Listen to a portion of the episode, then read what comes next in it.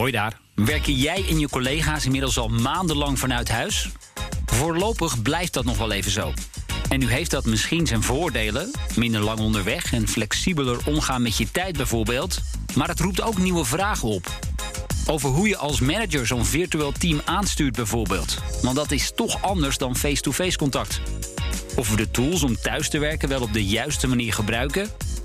En hoe we voorkomen dat jij en je collega's zich alsmaar eenzamer gaan voelen. Slimmer samenwerken. Daarover gaat het in deze nieuwe aflevering van de podcastserie Digital Heroes. Die wordt aangeboden door KPN. Mijn naam is John van Schagen. Het komende half uur krijg je meer inzicht in het gedrag van mensen die op afstand met elkaar samenwerken. Ik zeg wel eens als je om werk verlegen zit en dan moet je een Word-document maken.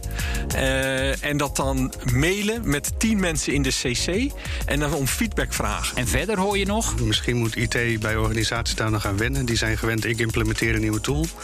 Daar doe ik misschien ook een stuk adoptie bij. Is adoptie nu eigenlijk een continu proces geworden? Mijn gasten zijn Ludie Bronsema, portfolio strategist Digital Workspace bij KPN. Hij doet onderzoek naar de manier waarop mensen met elkaar samenwerken. En ook de gast is Hans van der Meer, marketing manager bij Microsoft. Ja, Ludie, hoe zagen jouw werkdagen er de afgelopen maanden uit? Nou, dat was volledig vanuit huis. Ehm, Zoals zoveel Nederlanders. ja, eigenlijk sinds maart. eh, ergens halverwege maart ben ik thuis gaan zitten. En niet de afgelopen weken weer langzaam, maar zeker wat vaker naar kantoor? Klopt. Eh, gisteren nog een webinar eh, op kantoor opgenomen. Ja. Eh, maar vanmorgen Inmiddels. weer de nieuwe maatregelen. Ik verwacht dat dit voorlopig mijn laatste uitje is... en dat ik weer thuis mag zitten. Nou, geniet ervan, eh, zou ik inderdaad Ja, willen zeggen. En hoe is dat bij jou, Hans? Ja, de afgelopen zes maanden thuis hè. En eh, eigenlijk niet naar kantoor.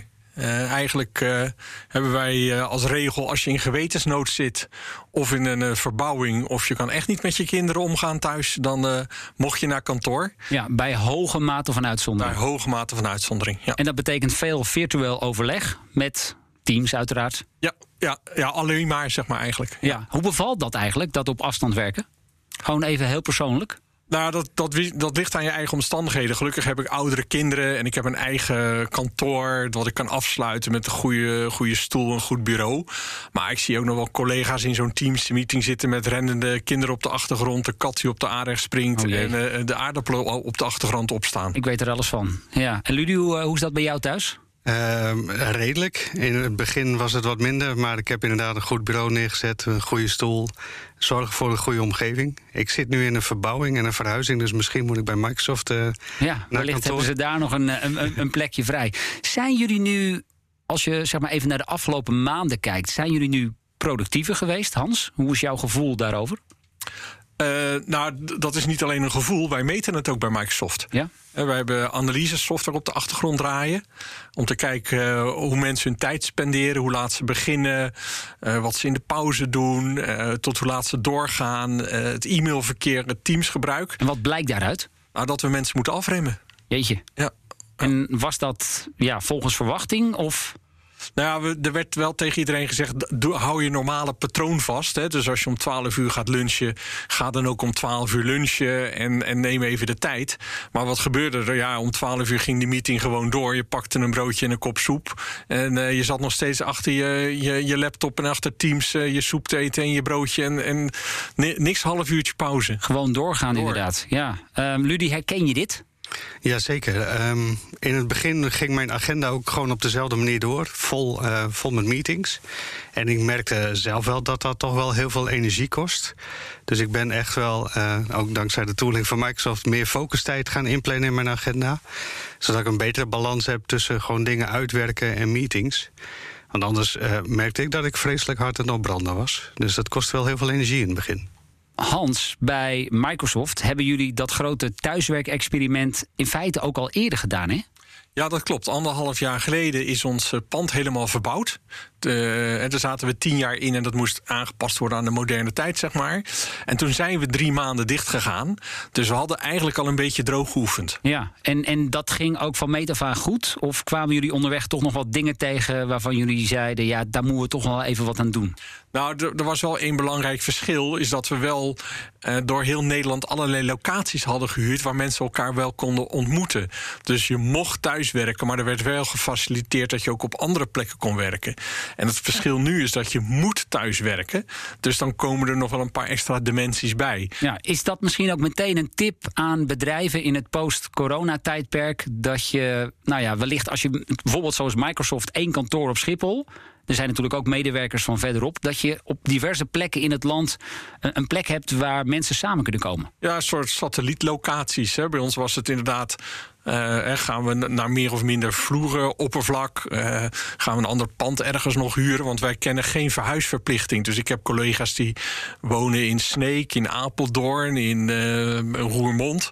Nou, die komen ook niet elke dag naar kantoor. Maar die hebben wel behoefte aan menselijk contact. En vooral met collega's natuurlijk. Jaren geleden ben ik een keer bij jullie te gast geweest. Op het kantoor van Microsoft op Schiphol. Ik weet niet eens meer waarom dat was. Maar wat me wel opviel is dat was al helemaal ingericht als een soort ontmoetingsplek. Want ja, het, het nieuwe werken noemden we dat destijds nog.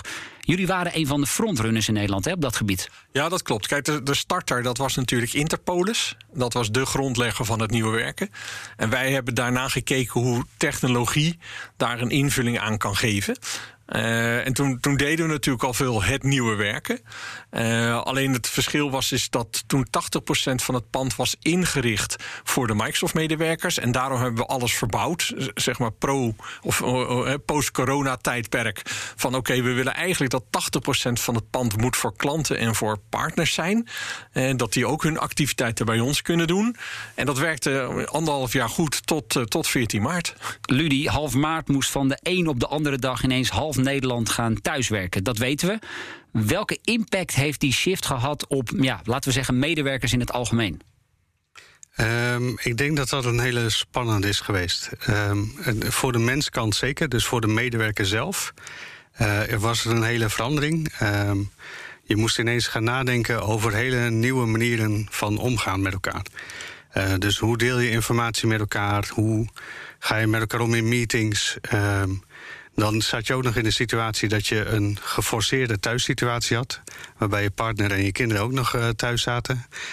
Um, en dat leverde aan de ene kant heel veel stress op. Uh, toch, als je nu naar de onderzoeken kijkt, zegt de meerderheid van de mensen: ik was wel productiever en ik vind het eigenlijk wel fijner. Uh, het was zeker een shift en het was zeker een heftige periode. En tegelijkertijd zien we ook wel mensen en organisaties die daar ook wel mee aan het worstelen zijn. Heb jij concrete voorbeelden waar dat uit blijkt? Uh, nou, ik moet bijna mijn vrouw zeggen: joh, eh, sorry dat ik je zo vaak als voorbeeld gebruik. Nee, maar doe maar. Mijn vrouw werkt in het basisonderwijs. Uh, en die ging, dat is een sector die niet heel erg bezig is met thuisonderwijs, laat ik, laat ik het zo stellen. Nee. Uh, die ging ineens van de ene dag op de andere lesgeven via Teams. Aan de hele klas, maar ook individueel met de leerlingen zitten. En dan heb je het over leerlingen van een jaar of 7, 8. Dat betekent dat zij eigenlijk een geforceerde adoptie kreeg van die nieuwe technologie. Hoe werkt Teams eigenlijk? Hoe ga je daarmee om? Vervolgens de eerste lessen. We hadden uh, beide bureaus in één kantoortje staan, dus ik kon lekker meeluisteren af en toe.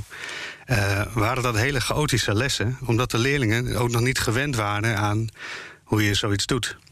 Een kind is gewend in de klas gewoon te roepen: Juf, mijn hamster is ook dood. Dat is in een teamsessie niet heel handig. Nee, zeker niet met uh, 20, 30 kinderen. Klopt. Um, dus dus, dan, dus dan zie je dat bij haar, uh, ik heb er heel erg veel respect voor, uh, echt een hele snelle leercurve van de technologie, maar ook van de manier met elkaar omgaan. En wat je nu eigenlijk weer ziet in de periode dat het weer wat rustiger werd, dat de school dan ook zei van hé, hey, maar we hebben meetings op dagen die je niet werkt. Uh, die zijn wel verplicht om dan te komen. Hey, die kun je dan ook wel virtueel bijwonen. En dat zijn wel de dingen die ze nu uit het onderwijs dat ze hebben meegekregen. Dat ze nu nadenken over van welke lessen kunnen we leren uit die periode en hoe kunnen we dat dan weer toepassen in de situatie dat het weer normaler wordt.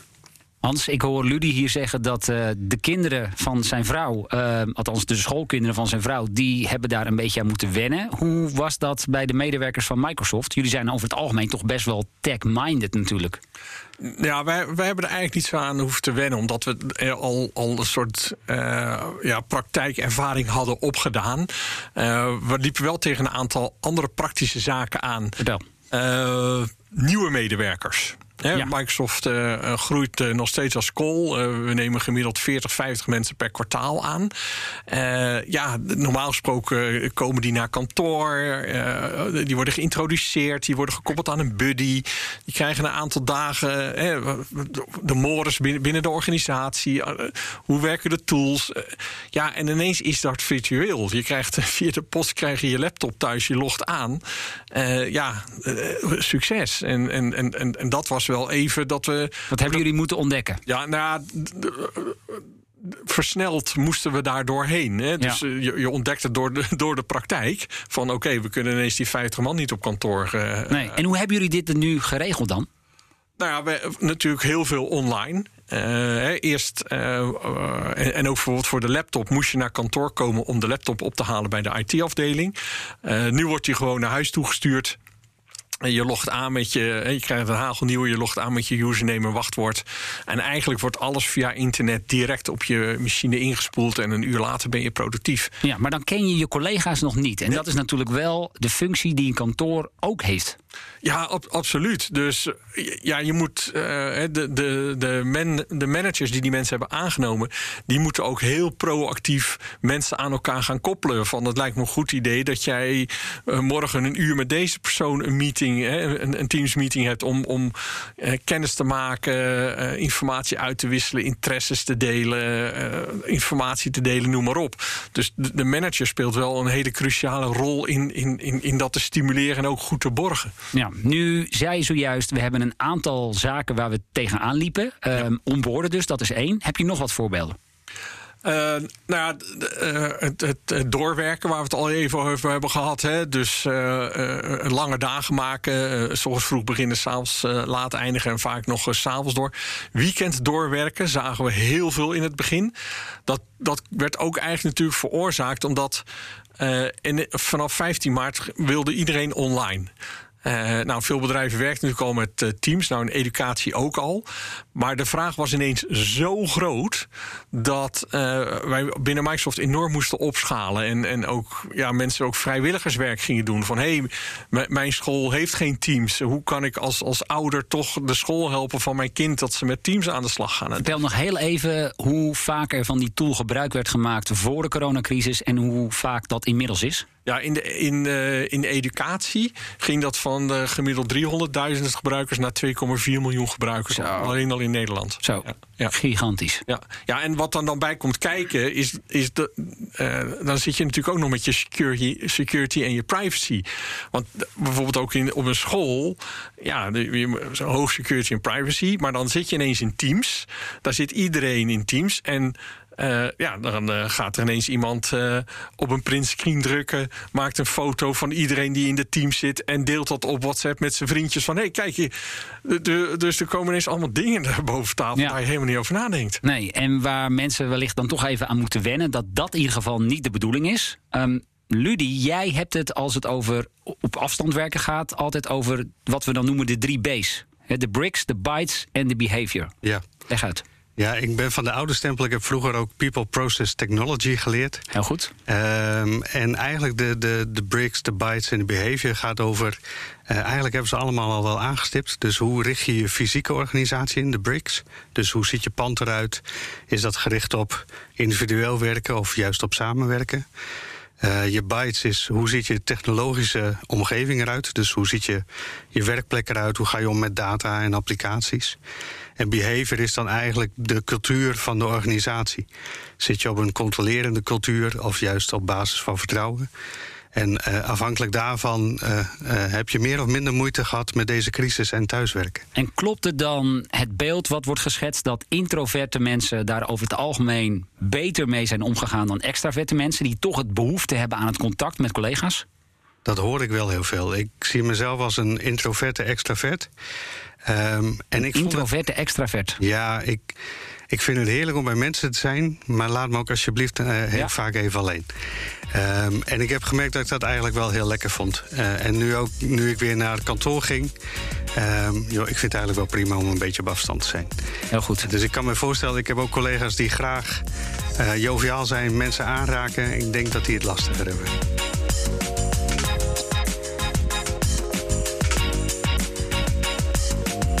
Je luistert naar een aflevering van Digital Heroes, een podcastserie die je wordt aangeboden door KPN. Ik ben John van Schagen en in deze aflevering gaat het over slimmer samenwerken. Nu we voorlopig nog niet naar kantoor mogen, doen bedrijven er slim aan om hun virtuele werkprocessen op de juiste manier in te richten. Hoe je dat doet, daarover praat ik met Ludie Bronsema van KPN en Hans van der Meer. Hij is marketingmanager bij Microsoft en houdt zich daar vooral bezig met Office 365. Ja, Hans, uh, je vertelde zojuist al dat Microsoft Teams door het dak ging de afgelopen maanden. Ik gebruik het zelf ook, hè, voor virtuele meetings vooral. Maar ik heb begrepen, je kunt er nog veel meer mee. Ja, we zagen eh, natuurlijk meteen in het begin dat het heel veel voor videobellen werd gebruikt. Uh, maar het is een veel breder platform. Je kan documenten met elkaar delen, uh, afspraken inplannen. Je kan het zelfs koppelen aan je telefooncentrale, zodat je ook ermee kan telefoneren naar binnen en naar buiten toe. je kan taken plannen. het is een soort projectmanagement tool. dus ja, er zit veel meer in dan alleen maar videobellen. Maar hoe verklaar je dan dat blijkbaar heel veel mensen dat niet weten. Ik wist dat bijvoorbeeld niet. En ik volgens mij heel veel collega's bij BNR eh, evenmin. Nee, dat, dat, dat komt omdat normaal gesproken, als je een teams gaat introduceren in een organisatie, is er een soort plan van aanpak. En meestal duurt dat een maand of drie. Nou, dan, dan zit er ook ergens in dat moment uh, educatie naar de medewerkers toe van wat, wat zit erin, hoe kan je het doen? Dan heb je vaak nog, nog één of twee frontrunners. mensen die wat vooruit lopen en het ook leuk vinden om aan collega's te laten zien wat je ermee kan. Die hele fase is overgeslagen. Eh, de leercurve was binnen een dag. Uh, en, en Teams werd aangezet. Oh, we kunnen videobellen. Uh, nou, en iedereen ging daarmee aan de slag. Maar er is nooit tegen mensen verteld. Maar je kan er ook nog veel meer, veel andere dingen mee, mee doen. Ja, blijkbaar hebben jullie dus nog wel wat missiewerk te verrichten. Nou, wij doen heel veel missiewerk. Alleen wat we zien is dat er bij organisaties intern veel missiewerk te verrichten valt. dus vaak wordt het natuurlijk door de IT-afdeling uitgerold in een organisatie. Uh, nou, partners als KPN helpen daar natuurlijk fantastisch mee om, uh, om, om daar ook bij te helpen, de adoptie te doen en dergelijke. Uh, maar ja, het is een stuk verandermanagement ook in de organisatie. Ja, Ludie, herken je dit, wat Hans hier schetst? Jazeker. Um, we zien sowieso als je meer in de cloud gaat werken, dus bijvoorbeeld via Teams met een continu veranderende omgeving waar Microsoft hard aan timmeren is, uh, dan zie je eigenlijk dat er een verschuiving is. En misschien moet IT bij organisaties daar nog aan wennen. Die zijn gewend, ik implementeer een nieuwe tool. Daar doe ik misschien ook een stuk adoptie bij. Is adoptie nu eigenlijk een continu proces geworden? Uh, en we zien nog heel veel organisaties daarmee worstelen hoe ze dat nou implementeren in de organisatie. En als je dit dan als MT ziet gebeuren, is dat dan een kwestie van ja, accepteren of moet je daar echt wel wat mee gaan doen? Um, ik zou er zeker iets mee gaan doen. Want het is jammer dat je niet de potentie uit de tooling haalt. Uh, want volgens mij is je tool is een middel om een tevreden klant, cliënt, burger of iets dergelijks te bereiken. En dan zou ik het zeker zo goed mogelijk gebruiken. Ja, absoluut. En wat je ook ziet is dat als je het niet uitlegt hoe je dat met teams kan doen, is er toch latente behoefte bij de medewerkers om toch bijvoorbeeld documenten met elkaar te gaan delen. En hoe gaan ze dat dan doen? Ja, gaan ze dat, ja mail. Nou, eh, ja? Dat is het slechtste systeem om documenten met elkaar te mailen. Nou ja, ik, ik zeg gebruik altijd, het eigenlijk best veel. Ja, nou, ik, ik, zeg wel eens als je om werk verlegen zit, en dan moet je een Word-document maken. Uh, en dat dan mailen met tien mensen in de CC. En dan om feedback vragen. Oh ja, ja dat wordt leuk. Dan krijg je tien verschillende versies. Ja, en, en de, de mensen van wat oudere stempel printen het uit, pakken hun gele marker. Ja, ja. Uh, en, en, die gooien het op je bureau en zeggen: Nou, hier heb je je feedback. Ja, daar kreeg ik er gisteren nog eentje van, eh, van in de mailbox. En jij zegt dat is hartstikke onhandig, want hoe zou dat dan wel kunnen werken? Nou, je zet het document op Teams. En via Teams laat je aan iedereen weten: hé, hey, daar staat het document. En je aanpassingen en je feedback graag in dat document. Dan heb je gewoon één versie van het document. Iedereen werkt aan de laatste versie. En dat is veel efficiënter dan, uh, dan documenten gaan rondmailen. En er bestaat ook een veel kleiner risico dat dat document in verkeerde handen komt. Ik weet niet of jij het wel eens hebt meegemaakt, maar dan mail je een document en heb je niet helemaal goed opgelet wie er in de toeregel stond. Oh ja, en dan is het bij een totaal verkeerde persoon beland. Ja, dat heb ik ook wel eens met een appje gehad. Dat is uh, best wel eh, schaamtevol, kan ik je verklappen. Ja. Uh, Ludi, wat, wat Hans hier schetst. Stel, hey, je ziet dat als MT gebeuren. Hoe verander je zoiets? Want het gaat over gedrag van mensen. Ja. Dat is heel lastig. Klopt. Uh, ik denk dat daarin voorbeeldgedrag heel belangrijk is. Dus dat je uitlegt van hoe je een, een systeem gebruikt.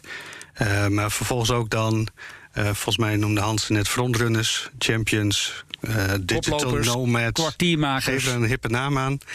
Uh, maar de mensen die eigenlijk het voorbeeldgedrag laten zien van hoe je het systeem gaat gebruiken en hoe je de voordelen eruit haalt die erin zitten. En dat is een heel belangrijk onderwerp wat vaak vergeten wordt. Ja, want uh, Hans die merkte net al op, hè, uh, half maart moesten we ineens allemaal gaan thuiswerken, althans half Nederland. Toen moest het even hapsnap geregeld worden.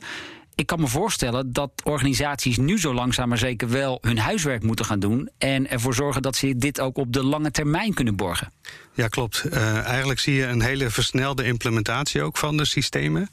Uh, misschien niet de allernetste, allerveiligste manier uh, van implementeren.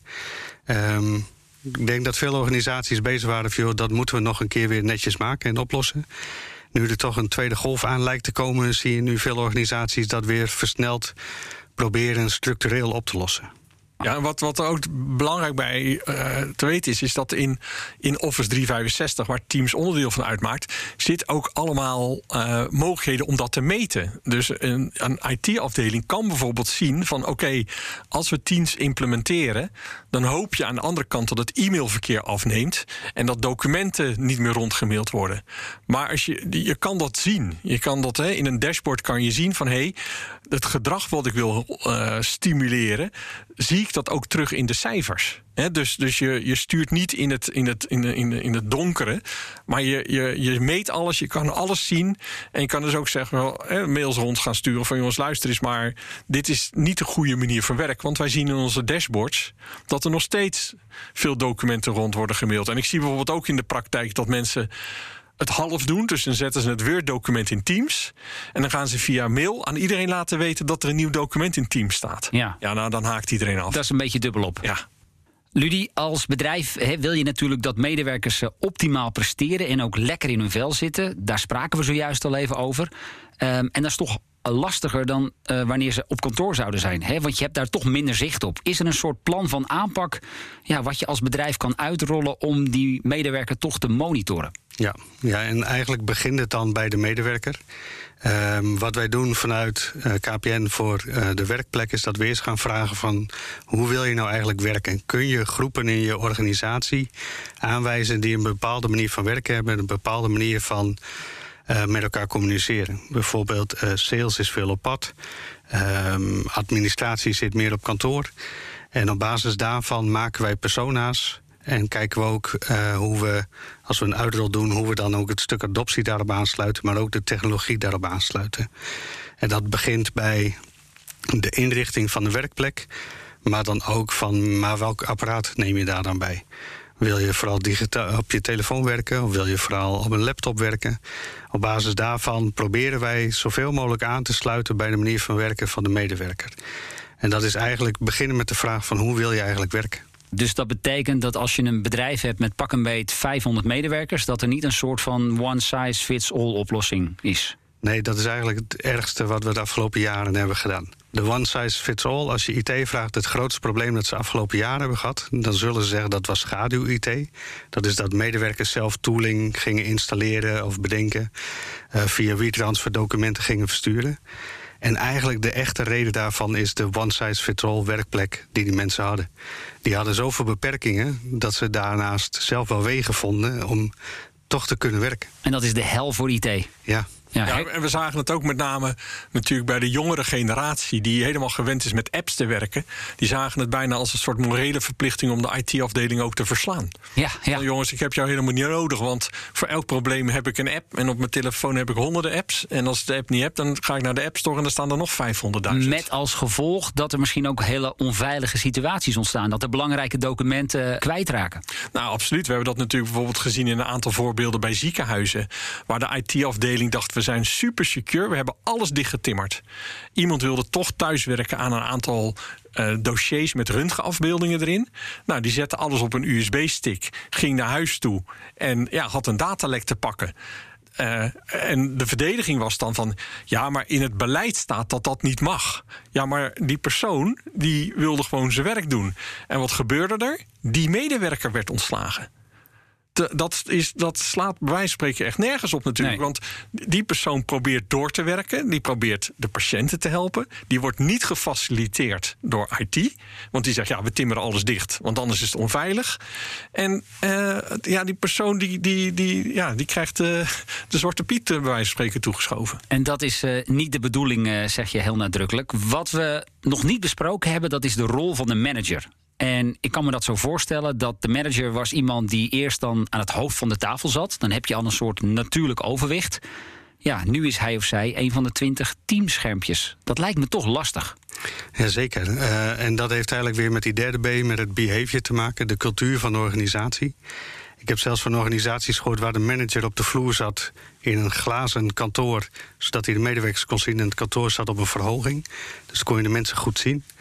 Uh, en dan ga je erg, erg uit van controle. Van wat zijn de mensen aan het doen? Doen ze het op de juiste manier? Um, en de nieuwe cultuur is veel meer op basis van vertrouwen.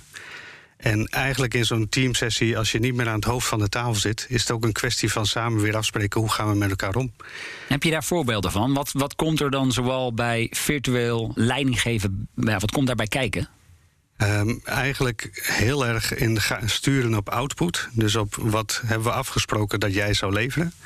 Dan uh, sturen op de manier waarop jij het doet. Um, en dat vraagt een andere manier van uh, leiding geven en ook gewoon vertrouwen bij jou neerleggen. Uh, dat jij, ik heb jou aangenomen als medewerker. Um, om te zorgen dat jij de dingen gaat doen die ik verwacht dat jij gaat doen. En dan is het eigenlijk niet belangrijk of je dat midden in de nacht doet. Um, of dat je dat op het strand ergens in Rio de Janeiro doet. Uh, als je het maar doet uh, zoals we hebben afgesproken. En dat is een hele andere manier van leiding geven en heel erg gebaseerd op het vertrouwen dat de medewerker echt kan waarvoor je hem hebt aangenomen. Ja, wat, wat wel, wel aardig daarin is, als je pak, pak maar eens een, een gemiddelde personeelsadvertentie erbij. He, wat wordt er gevraagd? Een, een duizendpoot, flexibel, geen 9 tot 5 mentaliteit. Ja. Alles wordt gevraagd. Dan neemt hij die baan en het eerste wat gebeurt is, wordt verteld... oké, maar wij, wij, werken hier van 9 tot 5. Uh, uh, overwerken, dat zit er niet in. Uh, nou, flexibiliteit prima, maar wel binnen deze kaders. Dus ja, dan, dan zie je dus ook dat, dat heel veel organisaties... ondanks dat we in een crisis nu zitten... toch heel moeilijk vinden om talent te binden.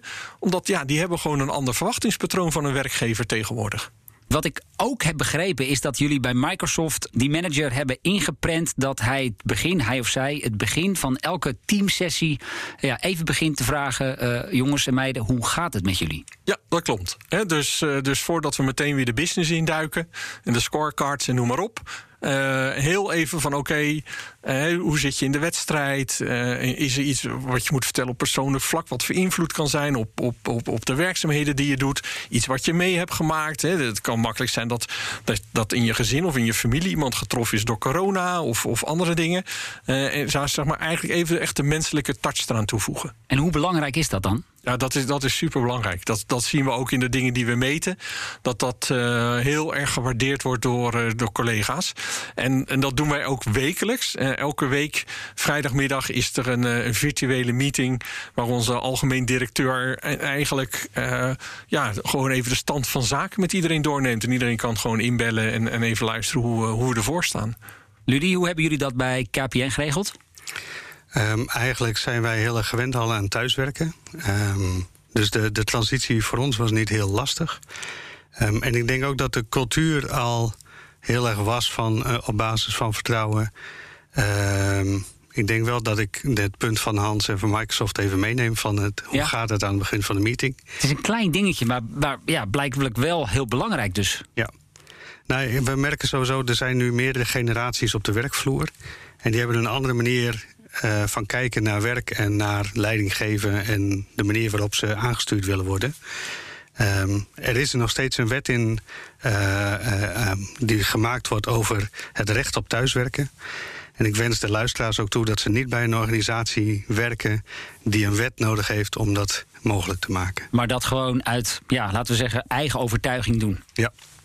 Tot slot, heren, ben ik heel erg benieuwd hoe jullie kijken naar het op afstand werken, uh, laten we zeggen, in het post-corona-tijdperk. Want eh, er komt ooit een moment dat we dit weer achter de rug hebben. Nu die denk jij dat werken echt blijvend is veranderd? Dat denk ik zeker. Uh, waar we eigenlijk in het werk altijd vanuit gingen van we gaan naar kantoor tenzij, is nu eigenlijk hybride de normale, de standaard geworden. Dus we gaan ervan uit dat je of op kantoor bent of ergens anders.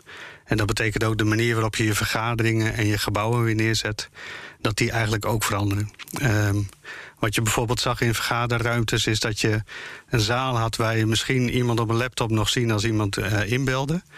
Uh, nu moet je eigenlijk een vergaderzaal maken dat, dat je het gevoel hebt dat iedereen op hetzelfde niveau zit. Want dat is de standaard. Um, en dat hybride is denk ik de norm aan het worden. Hans, volgens mij, uh, dat deden jullie bij Microsoft al. Maar zie je inderdaad ook dat steeds meer bedrijven, nou ook na corona, op die manier gaan, uh, gaan werken? Ja, zeker. Dit is absoluut een blijvertje. Uh, en wat we ook wel zullen zien is dat de, de ontwikkelingen ook in de technologie gaan zo snel dat de technologie dat ook steeds beter gaat ondersteunen. Dus uh, dat er nieuwe innovaties ook in technologie komen. die het makkelijker maken, bijvoorbeeld dat, dat uh, Teams-meetingen automatisch bijvoorbeeld ondertiteld worden. Want we, we, hebben in Nederland ook nog een hele grote groep werkenden die beperkingen hebben. Die vergeten we wel eens. dus slechthorend of dyslexie of, of iets anders. Ja, en de technologie kan daar ook bij helpen om, om ook die mensen die thuiswerken op die manier goed te kunnen faciliteren. Dan tot slot, slimmer samenwerken. Daar ging het in deze podcast over. Ik wil van jullie allebei nog één afsluitende tip. Ludi. Um, doe het samen. Het, uh, samenwerken is geen IT-feest, maar een feest van de organisatie. Ja, precies. Uh, uh, doe het samen. En ja, samen is, is meer dan de kracht van alleen. En met die tip zijn we ook meteen aan het einde gekomen van deze podcast over slimmer samenwerken. Dankjewel zeg ik tegen Ludi Bronsema van KPN en Hans van der Meer, marketingmanager bij Microsoft. Ja, vond je dit nou interessant? Luister dan ook naar onze andere aflevering in deze serie. Over toepassingen met 5G en de manier waarop je ongewenste gasten van je netwerk weert. Cybersecurity dus. En check ook meteen even onze online artikelen. Je vindt ze op fd.nl slash advertorial slash KPN Digital Heroes. Mijn naam is John van Schagen. Tot de volgende podcast.